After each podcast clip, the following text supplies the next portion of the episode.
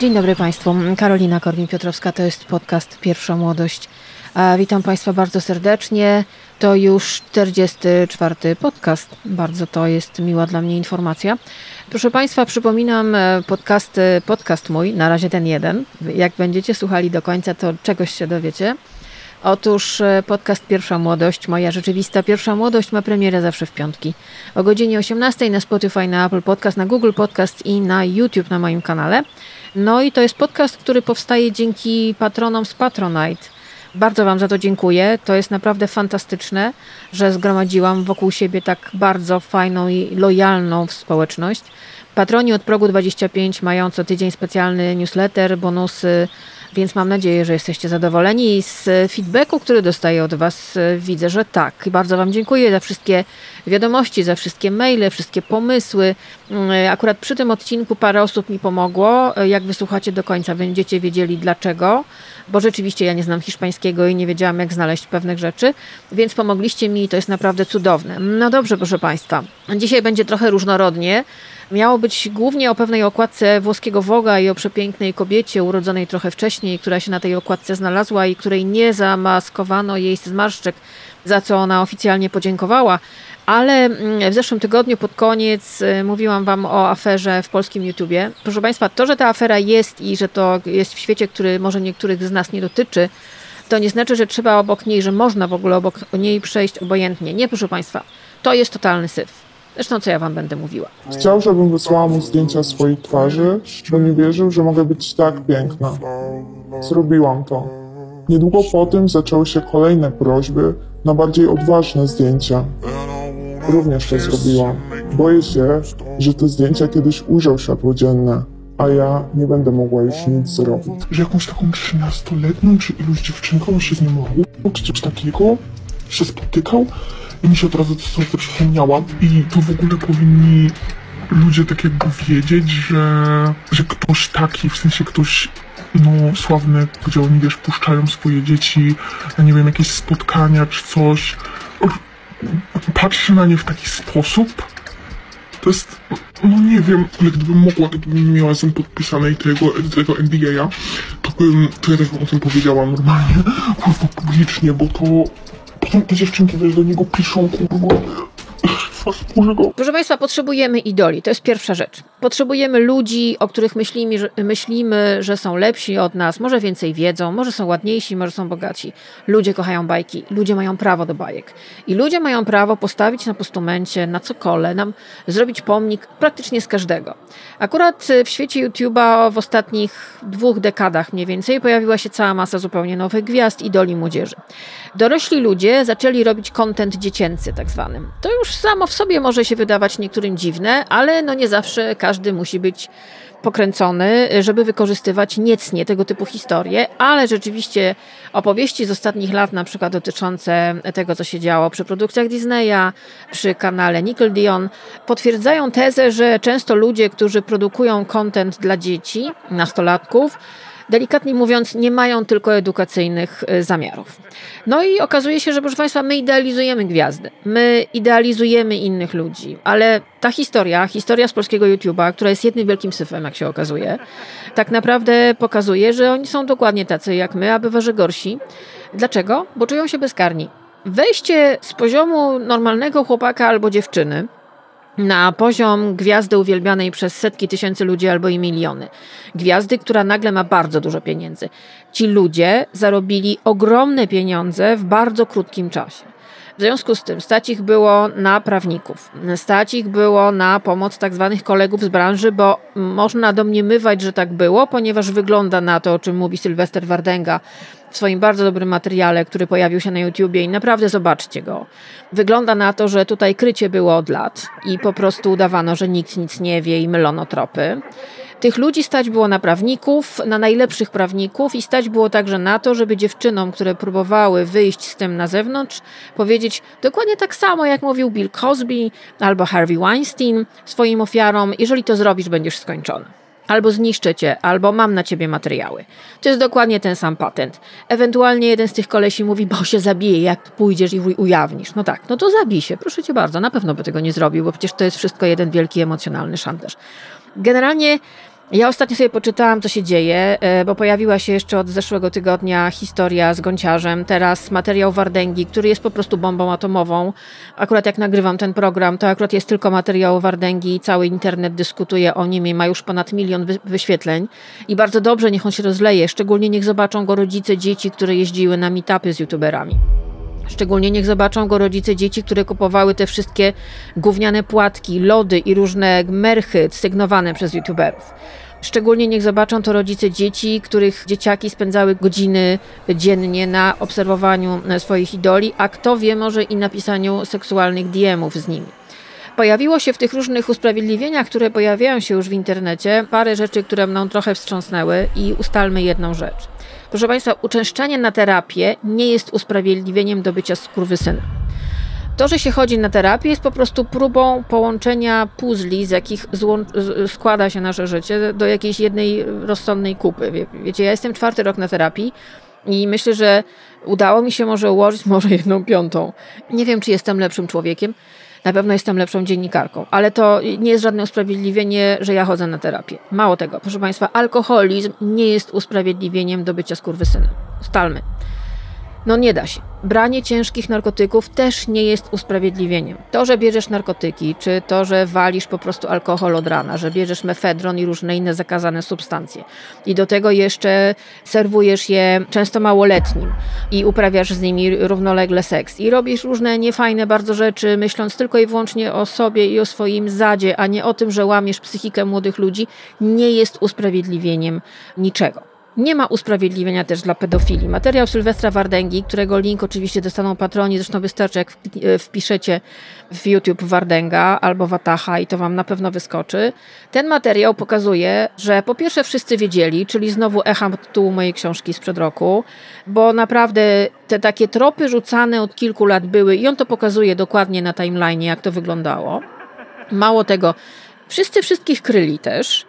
No bo się, myślę, że to jest trochę na takiej zasadzie, że jak już wchodzisz na ten pewien poziom gwiazdorstwa, zarobków, statusu społecznego, no to nie wypada, żeby, żeby kolega wpadł, bo jeszcze nie daj Bóg zabierze ciebie ze sobą na dno piekła, no to trzeba się chronić, prawda? Kolega, kolegę, ręka rękę myli, no i tak to wygląda. Nie ma usprawiedliwienia dla pedofilii. Tak, dobrze słyszycie, ewidentnie w materiale Wardęgi padają oskarżenia o pedofilię. Materiał Wardęgi trwa niespełna pół godziny, ale to jest takie pół godziny, które wstrząśnie, mam nadzieję, nie tylko YouTube'em, ale ja bym bardzo chciała, żeby wstrząsnęło policją. Z tego co wiem, z tego co podał, podał Wardęga, policja już się tym interesuje.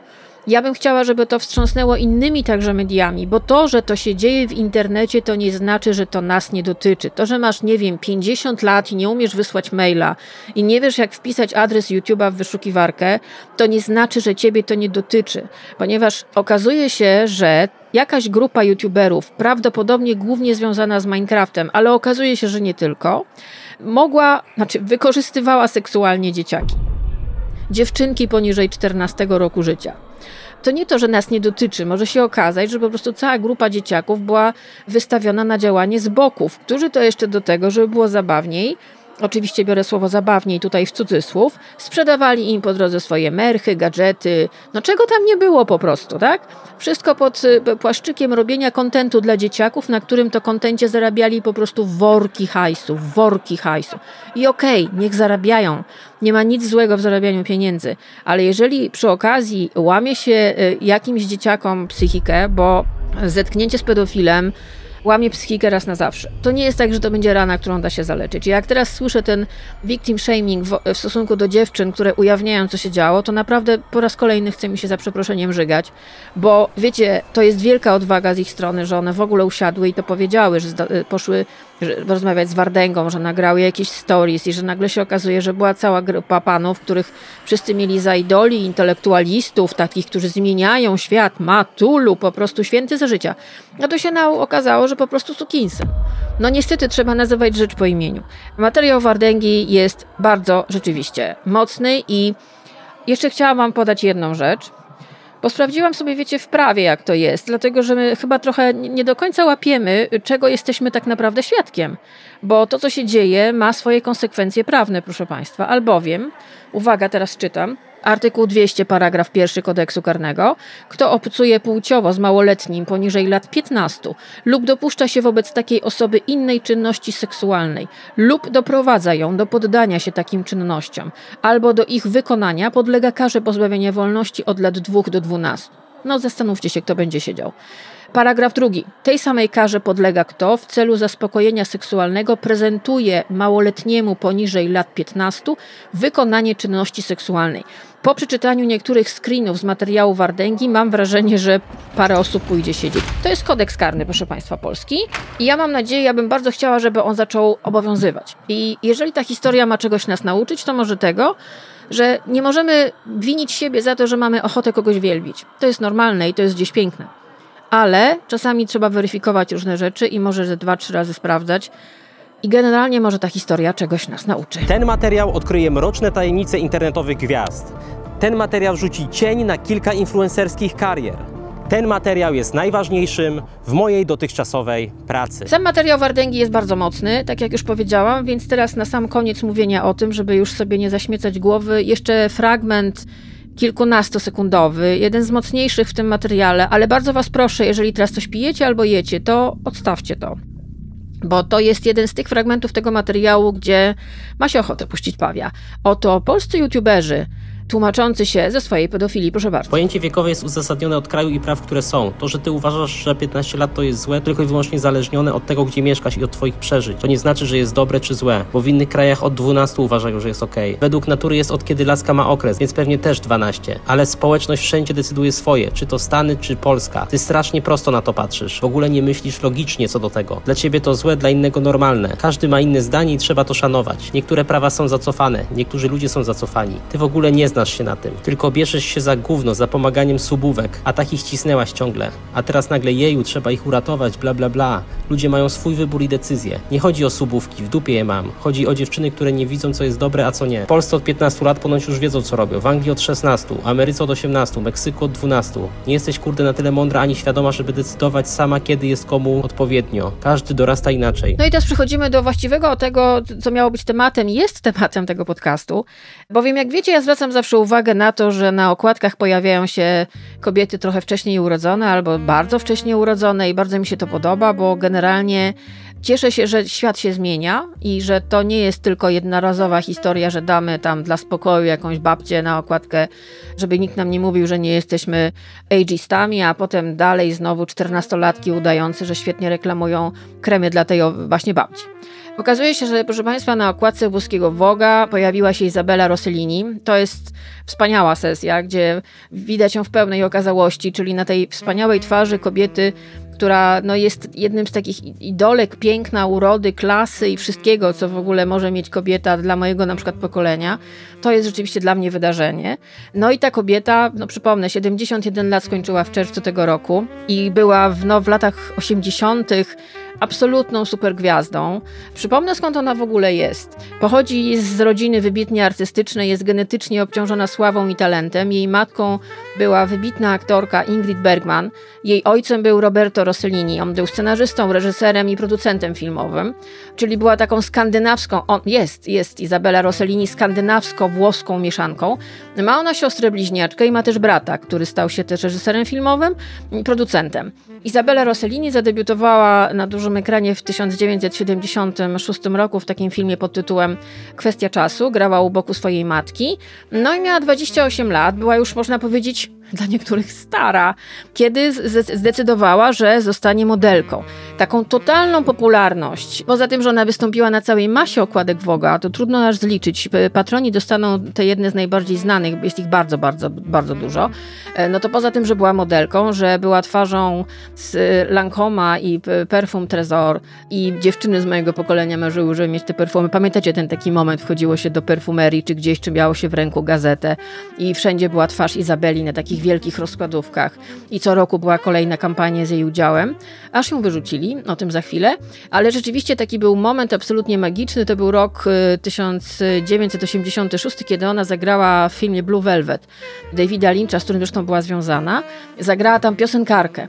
No i ta rola przyniosła jej bardzo wiele nagród i przede wszystkim no, taki poklask krytyków zdecydowanie, no ale też to była taka sława bardzo, bardzo mocna. Szczególnie kiedy oglądaliście serial o modelkach, który ostatnio jest, Supermodelki, może za tydzień wam o tym opowiem, no to one były traktowane rzeczywiście bardzo przedmiotowo i no to była taka kariera, no dziewczyna z okładki, a tu się nagle okazuje, że nagle rzeczywiście Izabela Rossellini została aktorką, została rolę, zagrała ta piosenkarkę w filmie Blue Velvet, zresztą co ja wam będę tutaj gadała. Wyobraźcie sobie scenę w takim bardzo linczowskim, że tak powiem, klubie nocnym. Na scenie mamy kobietę w takiej obcisłej, wydekoltowanej bardzo mocno sukni. Tą kobietą jest Izabela Rossellini i ona śpiewa, a słucha jej Kylie MacLachlan. Posłuchajmy małego fragmentu.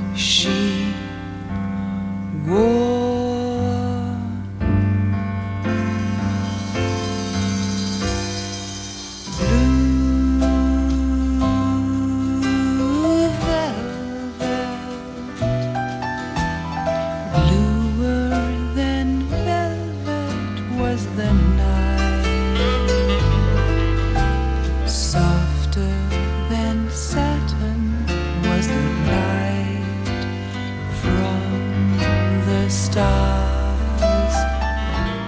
Dla Izabeli Rossellini posiadanie rodziców, takich jak e, Ingrid Bergman i Roberto Rossellini, było tak naprawdę ogromnym obciążeniem.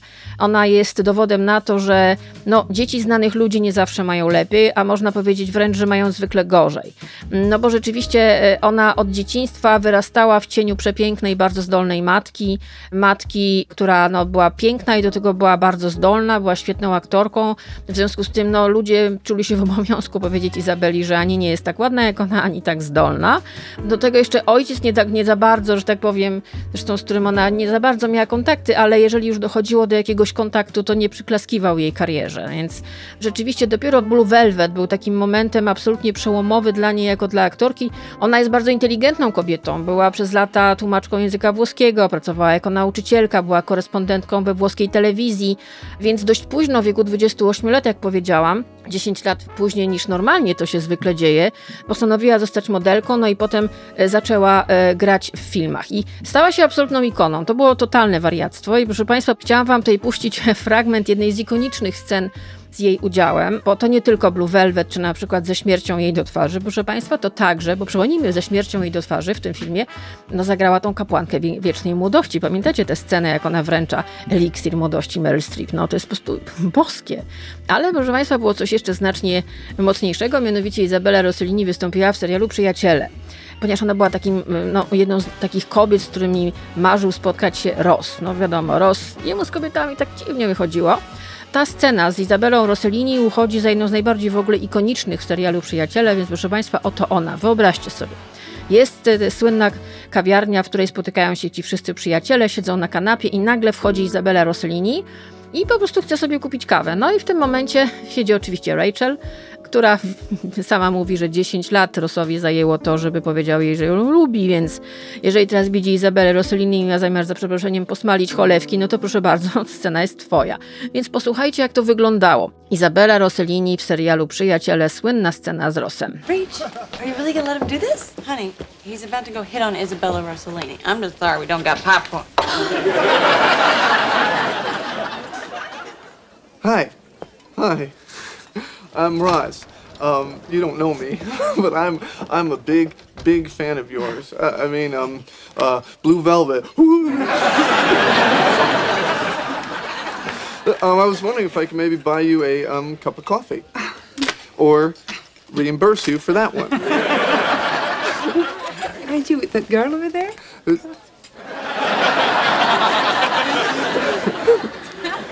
Well, yeah, kinda.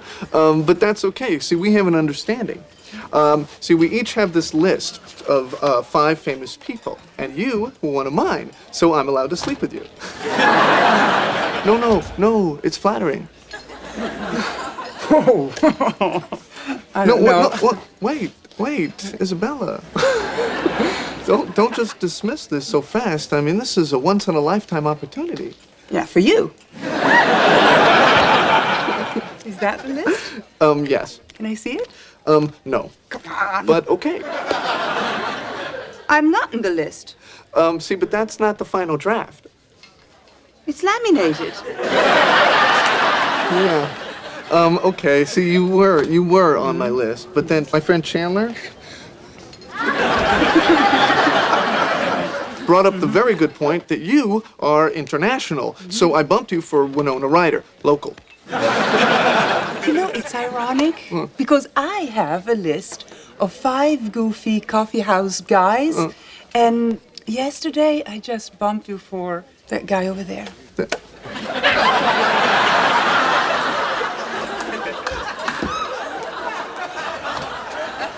We're just gonna be friends.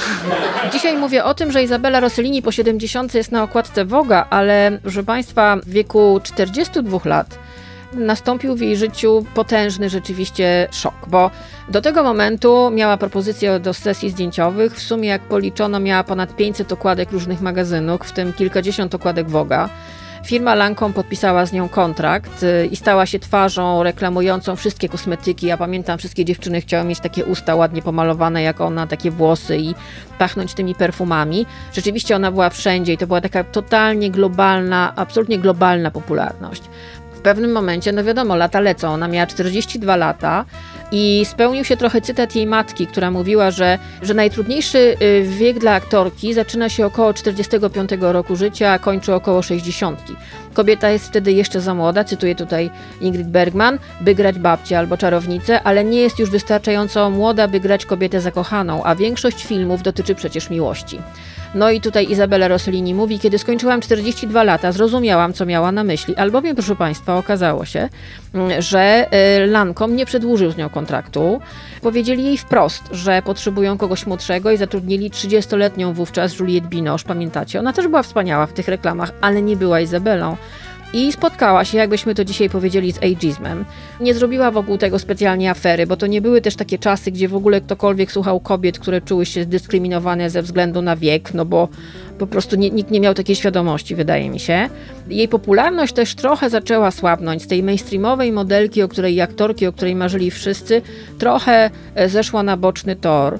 I sama mówiła, że jest za stara, żeby grać młode dziewczyny, za młoda, żeby wcielać się w rolę matrony i to jest najgorszy okres dla kobiety. No i co zrobiła?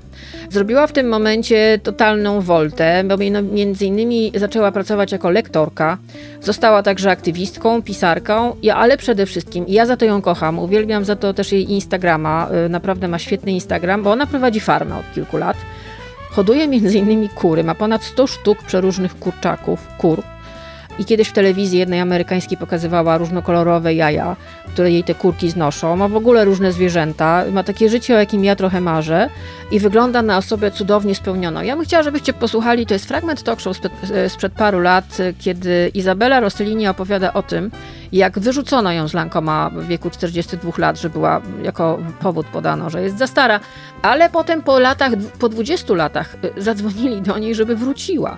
I to jest bardzo ciekawa opowieść. Posłuchajcie, bo to jest też opowieść o tym, jak bardzo zmienił się świat w ciągu zaledwie albo aż 20 lat. Posłuchajcie. When I asked the executive why, they said women dream to be young, and so you cannot represent the women's dream. An advertisement doesn't represent reality, an advertisement represents the dream.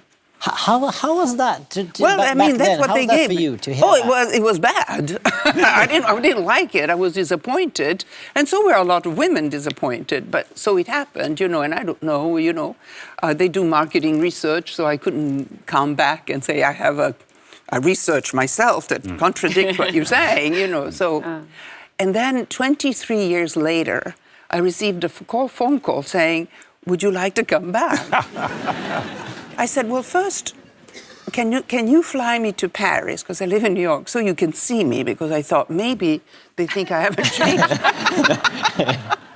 and when I arrived, I said, you know, you let me go at 42. I'm now uh, 65.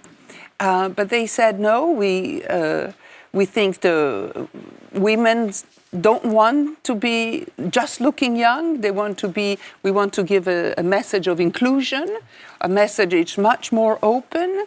Um, and I asked them, why do you choose me? You can get another 60, 70 year old instead of dragging our old story that is 23 and you know controversy and all that.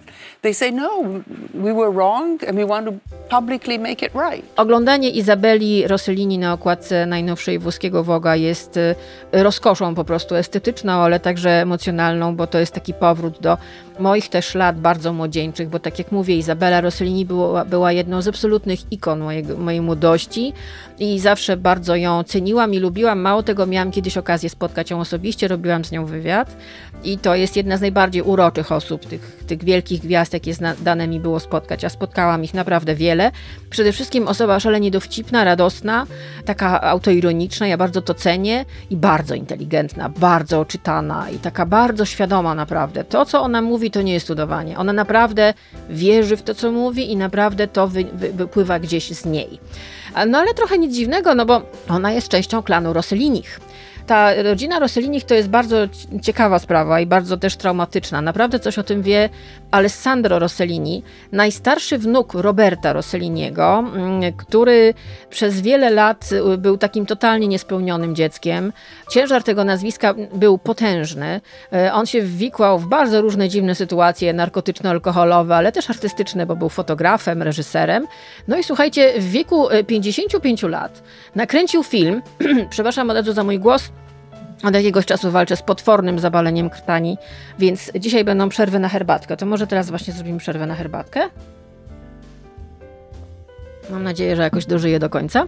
No więc, proszę Państwa, ten Alessandro bardzo zresztą fajny człowiek, bo on występuje w tym dokumencie. W wieku 55 lat postanowił nakręcić film dokumentalny o swojej rodzinie. Tytuł Klan Rossellini, jego premiera była w 2020 roku. Posłuchajcie na razie tego zwiastu. Rossellini e la Rossellini. E la loro Rossellini. I think you're the only one. Finito il conto, we're finished. Tu non hai mai provato una pressione, un obbligo? Ero Roberto Rossellini, ero figlio di Roberto Rossellini. Se volevo fare dei lavori anche più semplici, la gente dice ma tu sei Rossellini, ma che ti metti a fare? Devo fare il genio. E c'era una specie di continua rivalità per l'attenzione di papà, per l'amore di papà. Io sono andata a scuola disobbedendo a mio padre, l'ho fatto per ribellione. Ciao bello. L'idea mia di questo viaggio è quella di dirci delle verità assolute che forse non ci siamo mai detti.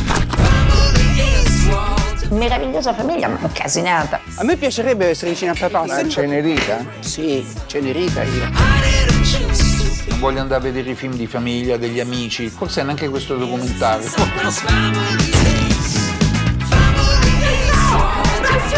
Nonno ha lasciato al mondo intero i suoi capolavori, ma a noi nemmeno una lira.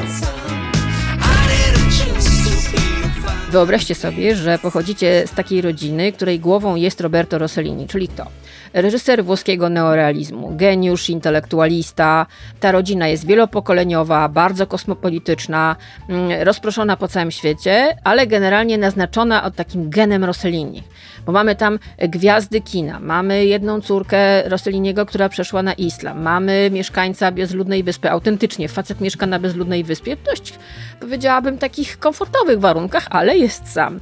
Słuchajcie, no tam są po prostu wszyscy, tak? To są ludzie, którzy mają bogate artystyczne osobowości, często wywołują skandale, są absolutnie nonkonformistami, robią co chcą.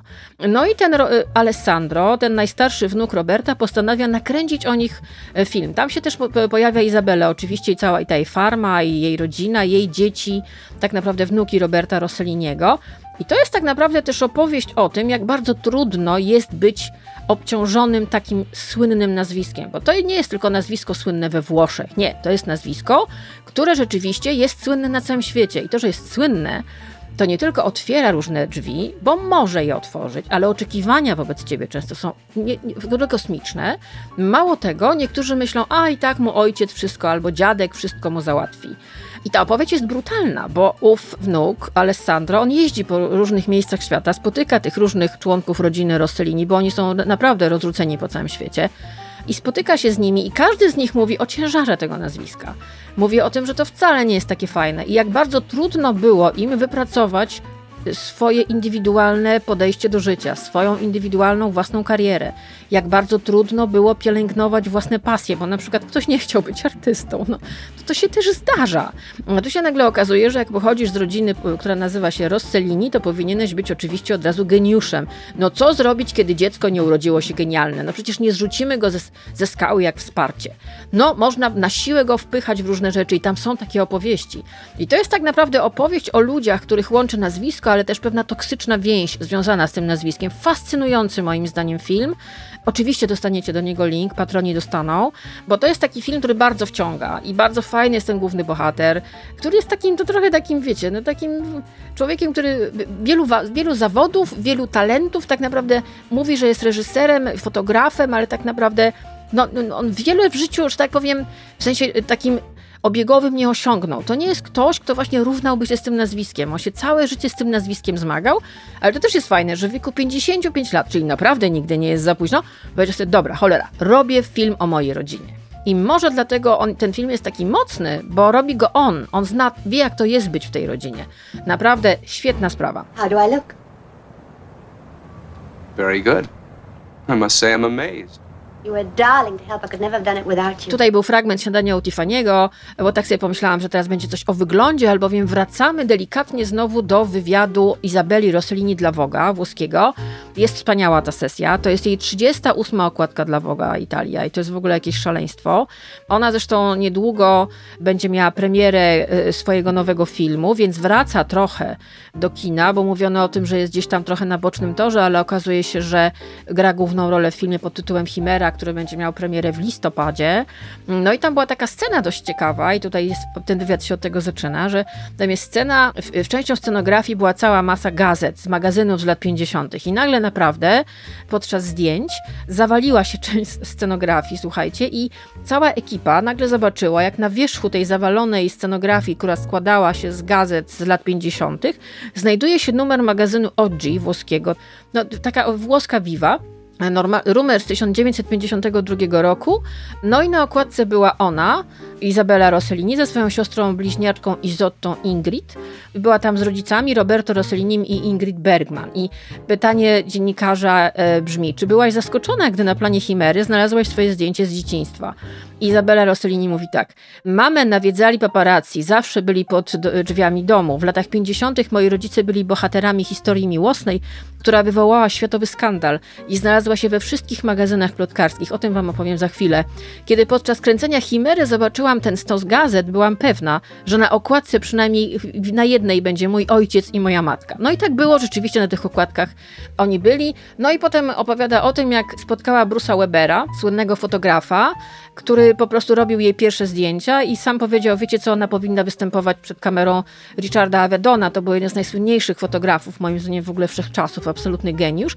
No i to się rzeczywiście stało błyskawicznie, ona w ciągu jednego roku do 1982 miała cztery okładki Woga amerykańskiego. To był absolutny fenomen, no więc nic dziwnego, że stała się absolutnie globalną gwiazdą i zaraz potem Lancome podpisał z nią kontrakt. Bardzo fajna jest ta, ta rozmowa z nią, bo to jest taka rozmowa z kobietą, która trochę już przeżyła, która wiele widziała, ale która ma też naprawdę ogromny dystans do siebie i opowiada oczywiście o swoich zwierzętach, o tym, jak uwielbia swoją fermę, na której ma różne zwierzęta, no właśnie te przede wszystkim te kurczaki, słuchajcie, to jest genialne. Ja oglądałam taki jeden z nią wywiad w jednej z amerykańskich telewizji, gdzie ona nie dość, że przyniosła w takim pojemniku na jajka, te jajka, które jej tam te kurki zniosły i pokazała, że są w różnych kolorach, to już w ogóle wyglądało genialnie genialnie. No i opowiadała o tych kurach z absolutną miłością i oddaniem i opowiadała o tych zwierzętach i naprawdę to był niby taki poranek show biznesowy, wiecie, telewizja śniadaniowa, takie pierdololo. I nagle przychodzi Izabela Rossellini i opowiada o swoich zwierzętach świat gdzieś nabrał zupełnie innego koloru, smaku, jakiejś pięknej emocji. Lubię tą kobietę, bardzo ją lubię i bardzo się cieszę, że widzę ją na okładce włoskiego Woga. A teraz cofnijmy się trochę w czasie, bo słuchajcie, w tym fragmencie tego wywiadu, który wam czytałam, e, Izabela Rossellini mówi o tym, że jej rodzice byli bohaterami skandalu. Słuchajcie, my dzisiaj często mówimy o tym, o cancel culture, o tym, że ludzi po prostu się wygumkowuje, że ludzie za jakieś swoje zachowania, no ten program, ten podcast się trochę od tego zaczął, mogą być wygumkowani, że tak powiem. No, to co spotkało Ingrid Bergman, to było rzeczywiście dość skandaliczne, ale zacznijmy od zupełnie czego innego. Ingrid Bergman, wielka ameryka e, amerykańska aktorka pochodzenia szwedzkiego, wystąpiła na uroczystości z ku Alfreda Hitchcocka swego czasu w Hollywood i to jest fragment jej wystąpienia, gdzie ona mówi o tym, jaką radę, najlepszą radę dał jej kiedyś e, Alfred Hitchcock, mistrz suspensu, geniusz kina. Myślę, że dzisiaj też byłby skancelowany, no cóż, takie czasy, ale powiedział jej fake it. Posłuchajcie. I remember our first argument must have been in Spellbound in 1945. Something I said, oh, I don't feel like that. I don't think I can give you that kind of emotion. And you sat there and you said, um, Ingrid, fake it.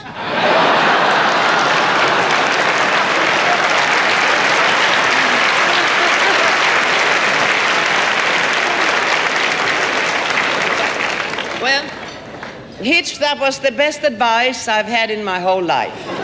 No i teraz słuchajcie, no Ingrid Bergman, y, y, wielka gwiazda amerykańskiego kina, która przyjechała ze Szwecji, wspaniała, cudownie się fotografująca, nie ulegająca trendom urodowym w Ameryce, nie dała sobie zrobić operacji plastycznej, nie dała sobie zmienić twarzy, ale rzeczywiście no, w Ameryce były pewne ograniczenia, to są lata 40., obowiązuje tam wtedy kodeks Heisa między innymi, który był tak naprawdę, to była cenzura nałożona na filmy, nie można było na przykład pokazywać pocałunku wewnętrznej strony uda, no te zalecenia, te nakazy były potworne. No, a ona się chciała rozwijać, tak? Ona zdecydowanie chciała, chciała grać w coraz lepszych filmach, no bo czuła, że no, no wiedziała, że ma talent, wiedziała, że umie. Reżyserzy świetnie uwielbiali z nią pracować. No i słuchajcie, skontaktowała się sama z Roberto Rossellinim. Ona znała jego dwa filmy, Rzym, Miasto Otwarte i Pajsa. I to były takie filmy, które naprawdę zrobiły y, szaloną karierę na świecie. Filmy artystyczne, włoski neorealizm, zupełnie inne podejście do opowieści, do pofilmowania, do aktorów, do gry aktorskiej. No i słuchajcie, ona sama zaproponowała mu współpracę. No i Rossellini w związku z tym stwierdził, że no bardzo chętnie wziął ją do plan filmu. Film nosił tytuł Stromboli Ziemia Bogów, to był rok 1950.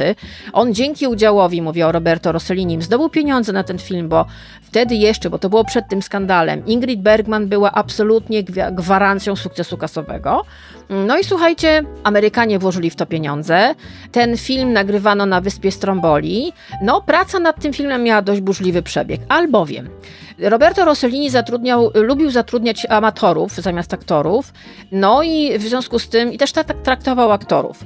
Bergman o tym nie wiedziała, no i w związku z tym dochodziło między nimi do kłótni. No też reporterzy, którzy cały czas byli na planie, no bo za amerykańską gwiazdą jeździli paparazzi, też utrudniali im pracę. No mało tego, między tą dwójką, czyli Bergman i Rossellinim, no zaczęło iskrzyć, ale w takim sensie mocno erotycznym. No bo rzeczywiście oni się w sobie zakochali i to było ogromnym obciążeniem, dlatego że obydwoje byli w związkach. Ona miała męża, a on miał żonę. Doszło do tego, że romans między Rossellinim a Ingrid Bergman e, no, został ujawniony. No i tak naprawdę wybuchł totalny, absolutny skandal. To jest rok 1950 e, i wyobraźcie sobie, że wtedy Ingrid Bergman, która postanawia rozwieść się z mężem i związać się z Roberto Rossellinim, w Stanach Zjednoczonych zaczęto piętnować ją dosłownie mianem dziwki, żeby nie powiedzieć gorzej. Uznano ją oficjalnie w mediach e, za osobę upadłą. Była oskarżana o porzucenie męża i dziesięcioletniej córki. Dostawała ogromne ilości listów, w których były groźby, wyzwiska. No, trochę tak jak dzisiaj w internecie, słuchajcie, tylko że po prostu dostawała to na papierze. Mało tego, słuchajcie, dawni wielbiciele kompletnie się od niej odwrócili, nazywali ją szmatą, wręcz były propozycje, żeby spalić ją na stosie. To się wydaje nam absurdalne, ale to jest dopiero 1950 rok. Do tego jeszcze producenci się od niej odwrócili. No bo słuchajcie, ona była totalnie wyklęta. Na przykład Federalna Rada Kościołów w Stanach Zjednoczonych oficjalnie ją potępiała. Amerykański Kościół katolicki przewodniczył w całej, całej takiej specjalnej nagonce, która była zorganizowana przeciwko niej. Słuchajcie, w szkołach i przed Senatem Stanów Zjednoczonych były specjalne manifestacje. Mało tego, była petycja, żeby nie wyświetlać w amerykańskich kinach filmów Roberta Roberto Rosselliniego i też tych z udziałem Ingrid Bergman. 5,5 miliona Amerykanek które były zrzeszone w różnych klubach kobiecych, zagłosowało za bojkotem filmów z Ingrid Bergman. No a szwedzka prasa, żeby było jeszcze do, dopełnić tego, tej czary goryczy, mm, nazywała ją plamą na sztandarze Szwecji. Sprawa nam się może trochę wydawać z dzisiejszego punktu widzenia absurdalna, ale słuchajcie, to jest dokładnie takie cancel culture, jakie my często widzimy dzisiaj.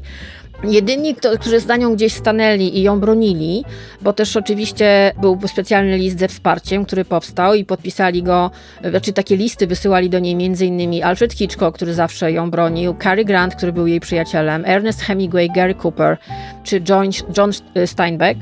No ale to nie, nie polepszyło jej sytuacji. Ona po prostu siedziała we Włoszech, gdzie była też uważana za kobietę, która robiła, rozbiła związek Rossliniego, która porzuciła męża, porzuciła córkę, i, i związała się z żonatym facetem, on się w końcu z tą żoną rozwiódł, ale słuchajcie, to był skandal, o którym naprawdę mówił cały świat i kiedy ona wydała na świat te bliźniaczki, czyli właśnie Izabelę i jej siostrę, no to te dzieci razem z tą rodziną wylądowały po prostu na wszystkich możliwych okładkach.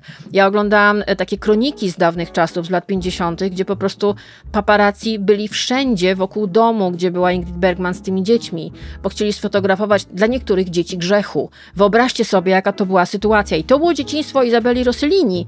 Zresztą Ingrid Bergman e, e, no, przez wiele lat nie grała w ogóle w Hollywood nie dostawała żadnych propozycji. Potem, kiedy dostawała jakieś propozycje, no one do niej nie trafiały. Znaczy, ona nie, nie grała bardzo długo w amerykańskich filmach, bardzo, z bardzo prostego powodu. Po prostu Roberto Rossellini nie pozwalał jej na to. No to jest opowieść właśnie o wielkim geniuszu, który sobie zawłaszczył aktorkę. On nie chciał, żeby ona grała z innymi reżyserami. I sytuacja była naprawdę do, dość trudna, bo bardzo fajne role przylatywały jej koło nosa, no ale nie grała, nie grała, nie grała. Wszystkim propozycjom, które dostawała, dostawała bardzo dobre innymi grania u boku Marlona Brando. Wszystkie e, te propozycje przychodziły jej koło nosa. No i rzeczywiście mm, dopiero w 1955 roku mogła zagrać w amerykańskim filmie. No i to taki moment absolutnie przełomowy. I w 1956 roku, dlaczego o tym mówię, zagrała w filmie Anastazja. To jest y, film, który opowiada o kobiecie, która jest bardzo podobna do księżniczki Anastazji, jedynej przedstawicielki rodu Romanowów, która jakoby miała ocaleć z masakry, podczas której zamordowano całą jej rodzinę. I to jest opowieść o tym, jak ona nagle się odnajduje u boku rosyjskiego uchodźcy, którego grał fantastyczny Jul Brynner i próbuje udowodnić swoją tożsamość. No, opowieść fantastyczna, zresztą ten film jest na YouTubie, patroni dostaną do niego link, bo ja sobie go specjalnie obejrzałam, ja go obejrzałam wiele lat temu. I teraz sobie pomyślałam, dobra, to sobie obejrzę. I słuchajcie, siedziałam i gapiłam się. I to jest naprawdę fantastyczna, bardzo współczesna opowieść o kobiecie, która szuka swojej tożsamości, która szuka wręcz swojego imienia i nazwiska, bo owa Anastazja, kobieta, która nazywa się Anderson, tak naprawdę no, długo nie wiedziała do końca, kim jest. I tak naprawdę to jest jedna z wielkich tajemnic XX wieku. Kim ona była? Czy ktoś ją sterował? Ona podawała się bardzo długo za Anastazję i zmarła, będąc przekonaną absolutnie, że jest potomkinią Mikołaja II. No ale to jest historia właśnie o tym, jak kobieta szuka swojej tożsamości tożsamości i jak jest w bardzo toksycznej relacji z facetem, który myśli, że ma nad nią władzę. I jest też takim jakby towarem, który ten mężczyzna wystawia dla innych mężczyzn, oczywiście z arystokracji, no po to, żeby gdzieś dzięki niej też do tej arystokracji, do której ona próbuje się dostać, żeby za nią tam w ten świat bajkowy, bogaty, uprzywilejowany się dostać. I rola Ingrid Bergman jest wspaniała. Jest naprawdę wspaniała. No nic dziwnego, że dostała za tę rolę Oscara. Odbierał za nią tę nagrodę Cary Grant, zresztą bardzo fajne przemówienie. Ona jest zresztą w internecie.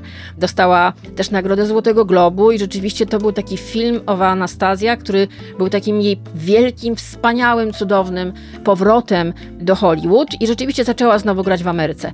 Więc to, co Izabela Rossellini mówi o tym, jak jej matka była wygnana i jak rzeczywiście ona jest dzieckiem grzechu i jak jej dzieciństwo było dość szalone i tak naprawdę ona jest efektem romansu ludzi, którzy po prostu zakochali się w sobie i postanowili zmienić swoje życie, ale w 50 roku no, było to uznane za wielki międzynarodowy skandal i jej matka była pozbawiona pracy, kontaktów, ludzie przestali ją poznawać.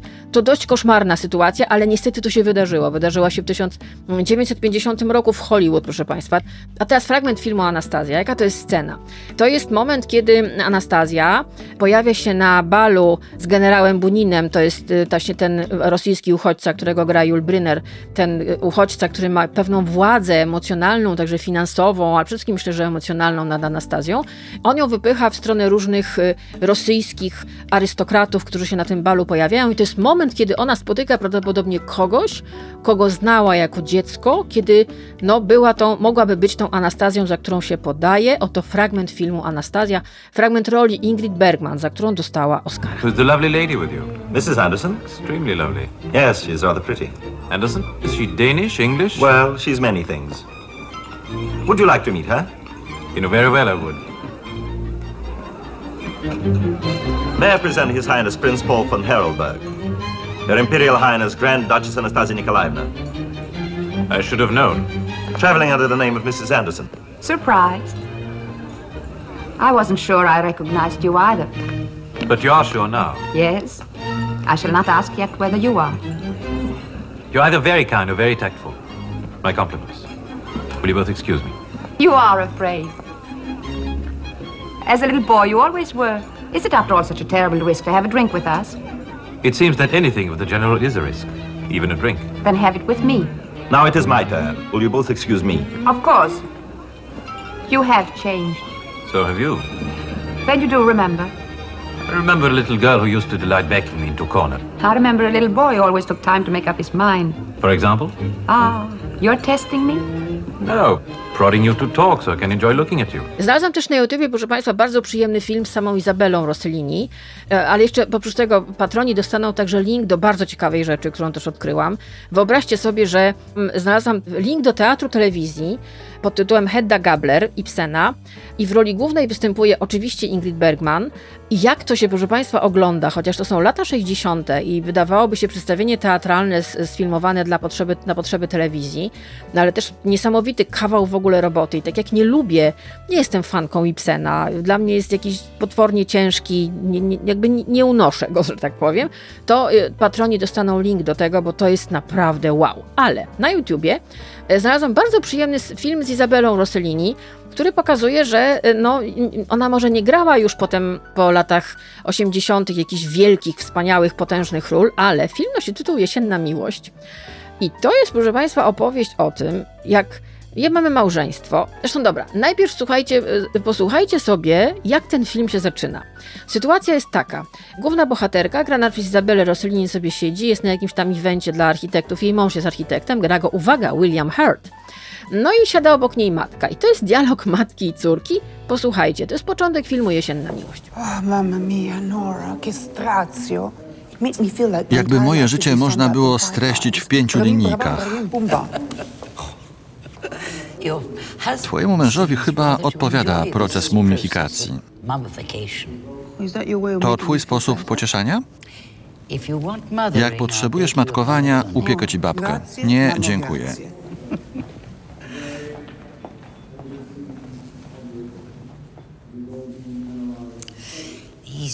Elita architektów starzeje się. Przewiduję co najmniej jeden pogrzeb miesięcznie. Muszę kupić sobie coś czarnego. Pójdziemy? Zaraz przyjdę. No i teraz tak, wyobraźcie sobie. Mamy bohaterów, e, Mary i Adam. To jest małżeństwo, które ma wiele lat za sobą, ma troje dzieci, dwóch synów i jedna córka. Wszystkie dzieci już oczywiście wyfrunęły. A oczywiście babcia się czasami wnukami zajmuje, prababcia unika tych wnuków jak ognia, bo ona w ogóle generalnie dzieci to na dystans. No ale ta Mary w pewnym momencie zaczyna odkrywać, że czas trochę jednak szybko biegnie i że jakby ona staje się trochę przezroczysta, że jej twarz się może trochę zmienia, że może jej ciało się zmienia i że no nic już nie jest takie, jakie było 20-30 lat temu, a już 40 to w ogóle już ona sama nawet nie pamięta. I ma też takie wrażenie, że ma też swoje sukcesy zawodowe za sobą. Jej mąż jest architektem i akurat nomen omen ma zaprojektować dom starców. Normalnie tak. I jest takim architektem, który też trochę czuje, że już za chwilę będzie właśnie zmumifikowany, że już niewiele zrobi, że jest taka tam scena, gdzie on przychodzi do domu, do domu opieki, chce obejrzeć po prostu jak wyglądają tego typu rzeczy, takie tego typu budynki i podchodzi do niego pielęgniarz i mówi, o zgubiliśmy się. I to jest takie ewidentne, że już go biorą za potencjalnego pacjenta takiego domu i on, to, to, to nie jest zbyt optymistyczne dla niego. Znaczy w niego też momentami trafia, że coś jest nie tak. Oczywiście po drodze są jakieś tam romansiki, różne takie historyjki bardzo, no takie klasyczne, bo to, wiecie, to nie jest taki film, który, po którym będziecie mieli katarzis, jak po obejrzeniu filmu Wardęgi, nie. To jest fajna, e, życiowa bardzo opowieść, bardzo prawdziwa, o tym, jak ludzie nagle spostrzegają, że czas jakby szybciej biegnie i, no, i że już nie będzie nigdy tak jak kiedyś, tak, że w pewnym momencie trzeba kupić telefon z dużym wyświetlaczem, że trzeba sobie zrobić łazienkę tak, żeby łatwiej się wstawało z wanny, że na przykład może trzeba trochę zmienić przyzwyczajenia, no bo naprawdę czas leci. No i to jest o tym, że no ta miłość na koniec wygrywa. Chociaż rzeczywiście bajka jest trochę idylliczna, idealistyczna, ale trzeba przyznać, że to, co tam robi Izabela Rossellini i William Hurt jako owo małżeństwo jest naprawdę bardzo smaczne i oczywiście wyślę wam link do tego. On jest zresztą ten film na YouTubie, nosi tytuł Jesienna Miłość i to jest taki dowód na to, że Izabela Rossellini w 2011 roku, bo wtedy był nakręcony ten film, zresztą w jednej z takich epizodycznych, bardzo fajnych ról występuje Joanna Lumley, jeżeli pamiętacie, absolutnie fantastyczna, no to tam też jest i ona w roli kobiety, która nigdy nie potrafiła prowadzić samochodu, między innymi. Ale jest y, dobrą kumpelką e, naszej Izabeli. Bardzo fajna opowieść wyreżyserowana przez Julie Gawras, według jej też e, scenariusza i to się naprawdę świetnie ogląda. Lekkie, miłe i przyjemne, aczkolwiek bardzo mądre. Naprawdę mądre kino. No i teraz, proszę Państwa, mam dla Was dwa polecenia gazetowe. Co Pani czyta, Pani Karolino? Co Pani czyta, Pani Karolino? No to zobaczycie, co ja czytam. Magazyn Pismo, słuchajcie. W magazynie Pismo niesamowity artykuł. Wy mnie bardzo często wysyłacie, ja mam bardzo dużo tego typu materiałów. Zresztą zrobiłam cały jeden podcast, jak sobie przypominacie, o takich fałszywych prorokach z Instagrama i z internetu. Cały czas mi to wysyłacie. No takie różne, wiecie, pato-coachingowe pierdololo o tych manifestacjach, o wizualizacjach, o ustawieniach i oczywiście nie robią tego psychoterapeuci, tylko to robią jacyś samozwańczy w ogóle szamani, szamanki, ludzie, którym się wydaje, że mogą bezkarnie gmerać w ludzkiej psychice. Ja uważam, że to jest skandaliczne, ale słuchajcie, magazyn, ja sobie mogę uważać, nie? Ja jestem pani dziennikarka, mogę sobie gadać. Ale słuchajcie, Zuzanna Kowalczyk i Joanna Gutral zrobiły tekst o tak zwanych pułapkach psychowashingu, to się tak nazywa. To są pułapki psychowashingu. Dobre określenie. Przeczytam Wam fragment. Według danych Światowej Organizacji Zdrowia, czyli WHO, do 2030 roku depresja stanie się czynnikiem w największym stopniu odpowiedzialnym za Global Burden of Disease, czyli globalne obciążenie chorobą. Jakaś forma zaburzenia psychicznego dotyka około 40% populacji Unii Europejskiej. Badania Instytutu Psychiatrii i Neurologii wskazują, że ponad 1 czwarta Polaków cierpi na zaburzenia psychiczne i tylko 16% z nich korzysta lub skorzystało z pomocy psychiatrycznej lub psychologicznej. W wyniku samobójstw ginie w Polsce prawie dwa razy więcej osób niż w wypadkach samochodowych. Tymczasem obecny średni czas oczekiwania na psychoterapię w ramach NFZ wynosi w naszym kraju 92 dni, a koszt prywatnej sesji terapeutycznej w Warszawie zaczyna się od 150-200 zł i szybuje w górę. Tak to prawda. I dalszy fragment. Chodzi tutaj o tą patocoachingową zarazę, która się rozlała. I tutaj fragment też tekstu, który pochodzi z magazynu Pismo pod tytułem Pułapki psychowashingu. Problemem nie jest jednak wyłącznie dostępność. Kilka lat temu znajoma mieszkająca w moim, Joanny Gutral, rodzinnym Słupsku poprosiła o pomoc w znalezieniu terapeuty dla swojej mamy. Nie znałam tamtejszego rynku, więc zadzwoniłam do czterech, wówczas reklamowanych w wyszukiwarce gabinetów w regionie. W tamtym czasie w blisko 100-tysięcznym mieście tylko jedna osoba spełniała kryteria pozwalające uznać jej usługi za skuteczne i bezpieczne. Dwie pozostałe nie ukończyły żadnego szkolenia. Kolejna osoba odmówiła przedstawienia dokumentów, na które powoływała się na swojej stronie. No właśnie, bo ten artykuł opowiada o tym, jak w ogóle wygląda ten rynek. Pamiętacie materiał Krzysztofa Stanowskiego o tym, jak był na Live Balance Congress, czy jakoś to się tam nazywa, tak? Regularnie podsyłacie mi różne wystąpienia różnych patocoachów z internetu, mniej lub bardziej porażające. Ja zwykle tego nie komentuję, najwyżej podaję dalej na swoim Instagramie to, jak oceniają to psychologowie, psychoterapeuci, terapeuci z dyplomami po studiach, którzy wiedzą, czym grożą tego typu historie. Oczywiście, wiadomo, ludzie, my mamy prawo szukać różnych dróg, ale pamiętajmy, że jak dostajemy się w ręce kogoś, kto nie ma narzędzi do tego, żeby fachowo się nami zająć, i jak ten artykuł wskazuje, bardzo sprytnie nas do siebie przywiązuje, bo chodzi mu wyłącznie o pieniądze, bo tam są podane cenniki, słuchajcie I wiecie, jak ja tak sobie czytałam, to sobie pomyślałam, Korwin, naprawdę nie wiem, co w twoim życiu poszło nie tak, ale może ty powinnaś była coachem zostać, bo naprawdę wow, wow, wow. Ale możemy się śmiać, że oni zarabiają. Niech sobie zarabiają w sumie, tylko że problem polega na tym, że inaczej się zarabia sprzedając na przykład zieleninę na targu, a zupełnie inaczej, z inną, że tak powiem, z innym obciążeniem etycznym zarabia się wciskając ludziom ciemnoty, nie mając do tego uprawnień. I tutaj właśnie jest, ten artykuł tak naprawdę jest o tym, bo to jest opis różnych praktyk, różnych osób z nazwiskami, ja tutaj nie będę tego podawała, ale dokładnie są opisane konkretne przypadki. To jest koń, fragment końcówki tego tekstu w magazynie Pismo. Oczywiście patroni dostaną do niego link. Uwaga. Coachingowy dziki zachód nie wyrósł w końcu w próżni. Stworzony przez późny kapitalizm rynek nie bierze jeńców, nie wybacza słabości, a wykwit coachów i terapeutów tylko ten stan rzeczy potwierdza.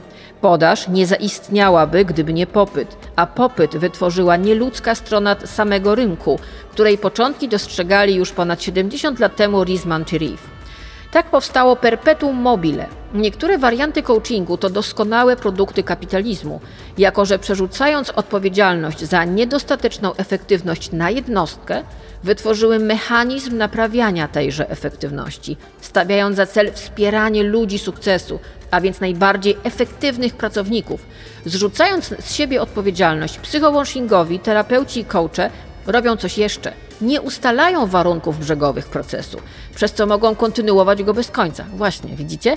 To doskonała strategia biznesowa. Nie wyposażając swojego klienta w narzędzia nakierowane na samodzielność, przekonują go o konieczności ciągłego inwestowania w swój rozwój. Ja kiedyś pamiętam, nawet y, śledziłam ze dwie takie osoby, nawet jedną kiedyś puściłam u siebie na stories, bo to było dość ciekawe, co ona mówiła, ale jak potem weszłam głębiej w to, co ona opowiada, to pomyślałam sobie, zaraz, zaraz, moment, moment, moment, moment. Opowiadasz trochę o sobie, dorabiasz do, to psycho, do tego psychologiczno-psychoterapeutyczne quasi pierdololo, bo nie masz o tym pojęcia, Opowiada, że skończyłaś jakieś kursy, ale nie do końca mi się wydaje, poza tym ustawienia kailingerowskie y, no, różnie są interpretowane i różnie są oceniane. I to jest coś, co jest bardzo delikatne i bardzo trudne i zastanawiam się, kto ci w ogóle pozwolił o tym mówić, że to robiłaś, no ale dobrze. Ale okazuje się, że tak naprawdę rzeczywiście to jest rodzaj spirali, w którą masz być wkręcony. Ponieważ ja jestem cały czas w regularnej terapii, nie dałam się wkręcić, ale mam świadomość, że bardzo łatwo jest się wkręcić w taką historię, która jakby jeszcze dzisiaj ci tego nie powiem, jutro ci to powiem, a w następnym odcinku a coś tam, a coś tam, a coś tam. I tak naprawdę chodzi głównie o to, żebyś oglądał, żebyś klikał, żebyś wydawał pieniądze na jakieś książki, e-booki, bo tego jest bardzo dużo, albo na e, spotkania, na różne kursy. Słuchajcie, w tym artykule są podane cenniki, to naprawdę mnie rozwaliło. Dobrze, dalsza część końcówki. Dzięki temu klient pozostaje klientem, a nierzadko wręcz uzależnia się od trwania procesie, w procesie. Dokładnie tak. Narzucanie ciągłego przymusu samorozwoju, jeżeli trafimy na podatny grunt, a to zwykle się tak dzieje, może sprawić, że osoba na przykład z zapędami perfekcjonistycznymi nigdy nie osiągnie satysfakcji z życia. Ciągle będzie gonić marchewkę, którą ma przywiązaną przed sobą na sznurku. Świetny artykuł w magazynie Pismo o pułapkach psychowashingu. Oczywiście bardzo Wam polecam, a patroni dostaną link. I don't want to be a loser. You're not a loser. Where'd you get the idea you're a loser? Because Dad hates losers. Whoa, whoa, whoa, Back up a minute. You know what a loser is? A real loser is somebody that's so afraid of not winning, they don't even try. Now you're trying, right? Yeah. No to była opowieść, to co słyszeliście przed chwileczką, z 2006 roku, fragment filmu pod tytułem Little Miss Sunshine. Pamiętacie to? Mała Miss, wspaniały film i to był Alan Arkin, zmarły niedawno. Nie chcesz być e, luzerem. No nikt nie chce być luzerem chyba.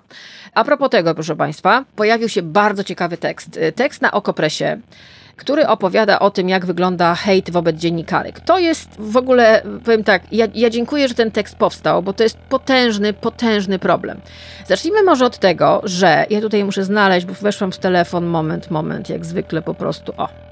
Proszę Państwa, zacznijmy od tego, że Agata Szczęśniak, bardzo dobra dziennikarka, która jest jedną z bohaterek tego tekstu, która spotkała się z potężnym internetowym hejtem w stosunku do swojej osoby, puściła ten tekst na Twitterze i napisała tak. Długo się zastanawiałam, czy wypowiedzieć się do tego tekstu pod nazwiskiem, ale może ten jeden raz osoby, które to wszystko piszą, usłyszą. Dla ciebie to jeden komentarz, dla mnie i innych dziennikarek setki, czasem tysiące. Może choć się zawahasz. I co napisał jej pod tym jej komentarzem, pod tym jej postem Tomasz Lis. Jak wiemy, słynny obrońca kobiet. Uwaga, e, napisał tak. Wybitnie niemądry tekst pełnej nieuzasadnionego samozadowolenia rozhisteryzowanej atencjuszki. To jest kiedyś polski kandydat na prezydenta. On miał kiedyś w sondażach mówiono, że może kandydować na ten, na ten urząd. Uwaga, jeszcze raz. Wybitnie niemądry tekst pełnej nieuzasadnionego samozadowolenia rozhisteryzowanej atencjuszki. No, więc ten tekst ma sens, bo chociażby takie teksty jak Tomasz Alisa się pojawiają pod y, postem, który podaje go dalej. Tekst jest bardzo ciekawy, bo to jest tak naprawdę wielkie badanie, które zorganizowano na temat tego właśnie, jak kobiety, dziennikarki, z, jakim, z jakimi emocjami spotykają się w internecie. No i to jest zbite z tym, co przeżywają polskie dziennikarki, które na przykład właśnie są dziennikarkami politycznymi albo newsowymi. I uwaga, przeczytam wam fragment.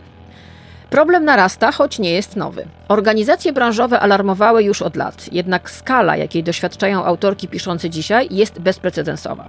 W 2014 roku badanie na zlecenie International Women's Media Foundation i International News Safety Institute ujawniło, że 23% badanych dziennikarek doświadczyło zastraszania, gruźb lub skrzywdzenia w związku z wykonywaną pracą. Mniej więcej w 2015 roku odsetek ten przekroczył próg 50%.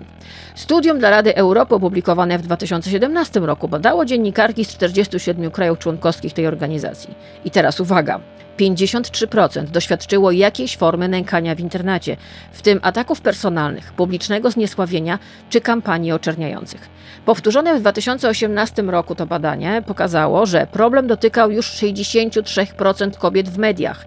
Dziś, według UNESCO, zmaga się z tym już co najmniej 73% dziennikarek. Przy czym na skali zjawiska wydatnie odcisnęły się lata pandemii i związanej z lockdownem drugiej pandemii, czyli intensyfikacji przemocy wobec kobiet, bo ona miała nie tylko miejsce w tych domach, w których kobiety były zamknięte ze swoimi oprawcami, ale także w internecie. Pandemia to tylko jeden z czynników, czytam dalej. Z pewnością zmieniła się wrażliwość. Kiedy w latach 2012-2015 prowadziłam niewielki lewicowy portal Lewica24, pisze jedna z autorek, regularnie czytałam w komentarzach i wiadomościach, że piszę bzdury, że jestem prostytutką, padały gorsze słowa, postkomunistów czy pomiotem Żydokomuny. Uznawałam to za rytuał przejścia, czy coś, co muszę znosić, jeśli chcę głosić swoje, wówczas bardzo niepopularne poglądy. Zresztą to, co było w sieci, dawało się znieść. Gorsze były nieustanne szpile w realu. Problem w tym, że dziś, inaczej niż dekadę temu, żyjemy znacznie bardziej w internecie, a ustawiczne doświadczenie przemocy, choćby czytanie nienawistnych komentarzy, czy otwieranie skrzynek z hejterskimi wiadomościami odciska swoje piętno. Kobiety pracujące w mediach cierpią na depresję i zaburzenia lękowe, wypalają się, doznają PTSD. Dziennikarki słyszą, że są obciążeniem dla swoich redakcji i rodzin. Niekiedy, jak referuje raport UNESCO, poddaje się je naciskom, by rezygnowały z trudnych tematów. Bardzo ważny, bardzo potrzebny tekst. Ja wiem, że słuchają tego podcastu młode osoby, które zastanawiają się, na jakie studia pójść. No to to jest opowieść o dziennikarstwie, o tym, jak wygląda to dzisiaj i jakie to jest potworne na Okopres. Bardzo dobry artykuł Agaty Czarnackiej pod tytułem Hejt wobec dziennikarek. Naprawdę wow. Oczywiście patroni dostaną do niego link. No i teraz zbliżamy się do końca, ale teraz chcę podziękować wszystkim tym, którzy wysłali do mnie różne informacje dotyczące tego, jak zmieniło się prawo w Hiszpanii. Albowiem Hiszpania przyjęła nową ustawę. Przepraszam, herbatka, znowu gardło mi siada. Mam nadzieję, że wytrzymam do końca. No nie jest dobrze. Otóż okazuje się, że Hiszpania przyjęła nową ustawę dotyczącą dobrostanu zwierząt domowych. Myśmy mieli mieć kiedyś piątkę dla zwierząt, wiemy jak to się skończyło. W ogóle się nie skończyło. No i się okazuje, że to jest w ogóle ustawa dość epokowa, aczkolwiek dość nierówna, bo ona chroni tylko część zwierząt. Dzięki moim followersom na Instagramie dużo się o tym dowiedziałam. Znalazłam też różne, powysyłaliście mi różne linki. Niektóre z nich wrzuciłam w Google Translate, żeby wiedzieć dokładnie o co tam chodzi. Ta ustawa nazywa się o dobrostanie zwierząt. Ona reguluje opiekę nad zwierzętami domowymi, czyli kotami, psami i wszystkimi innymi zwierzakami domowymi. I ona przewiduje, co jest w ogóle w, w tytułach wszystkich newsów na ten temat, o tej ustawie, bardzo wysokie kary finansowe w przypadku naruszenia tych przepisów, nawet do 200 tysięcy euro. Serio. No i teraz okazuje się, że tak, no przede wszystkim w myśl, o, przepraszam, znowu uderzam w mikrofon, no ale cóż. W myśl tych regulacji obowiązkiem właścicieli staje się zapewnienie zwierzętom dobrostanu, uwaga, zgodnie z charakterystyką gatunku. I teraz co to oznacza?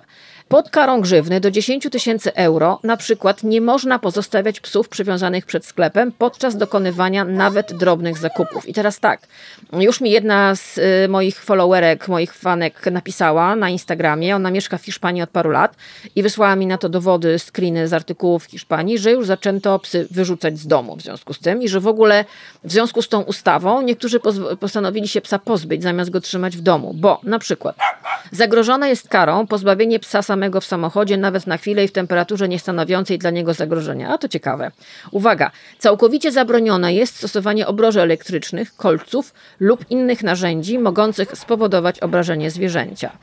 To na przykład w Polsce dalej jest stosowane, słuchajcie, w najlepsze. Ja sama niedawno byłam świadkiem tego typu tak zwanego treningu psiego na wakacjach i to jest dość potworne. Dalej. To jest też wstrząsające i wzbudziło u mnie na Instagramie ogromny odzew. Nie wolno pozostawiać psów, mówimy tutaj o nowej, nowej ustawie o dobrostanie zwierząt w Hiszpanii, samych w domu dłużej niż 24 godziny, a innych zwierząt dłużej niż 3 dni, nawet gdy mają wystarczającą ilość jedzenia i wody do picia. Do poważnego wykroczenia należy stałe trzymanie zwierząt domowych na podwórkach, balkonach, tarasach, piwnicach i magazynach.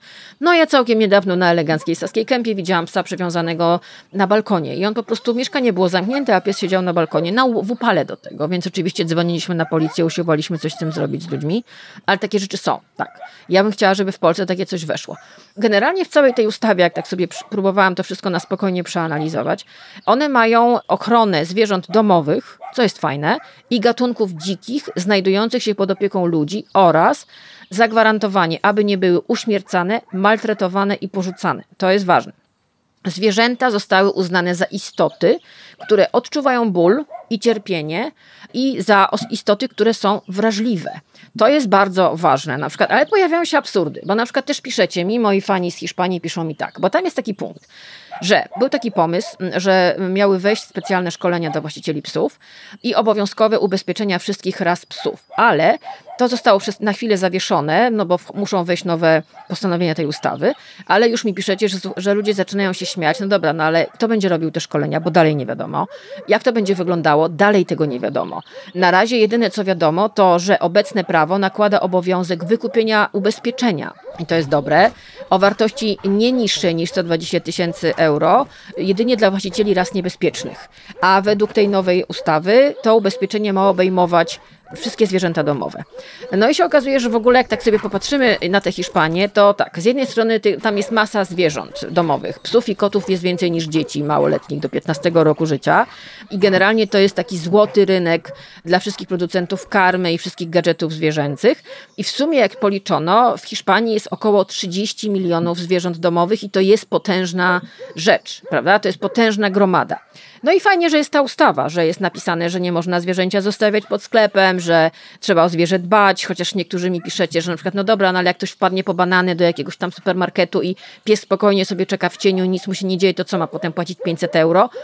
No, są różne absurdy, tak? No ale jak mi behawiorysta powiedział, ja kiedyś przywiązywałam psa pod sklepem, ale mi powiedział, wie pani, że jak pani go tak zostawia, mimo że on jest, są w trójkę te pani psy, to one myślą, że pani już nigdy nie wróci. Dla nich to jest totalny szok, bo to jest zupełnie nowe y, otoczenie. I ja już tego nie robię od ponad dwóch lat. Zaraz myślę, mam wizualizację, że im pękają serca i że nie chcę tego robić, bo jeżeli ustalamy, że zwierzęta czują i że mają emocje, no to nie róbmy im tego. Ale na przykład, słuchajcie, z jednej strony jest ustawa, która jest o dobrostanie zwierząt w Hiszpanii, ale z drugiej strony w Hiszpanii mamy koridę, która dalej się odbywa i one nie podlegają przepisom wynikającym z tej ustawy.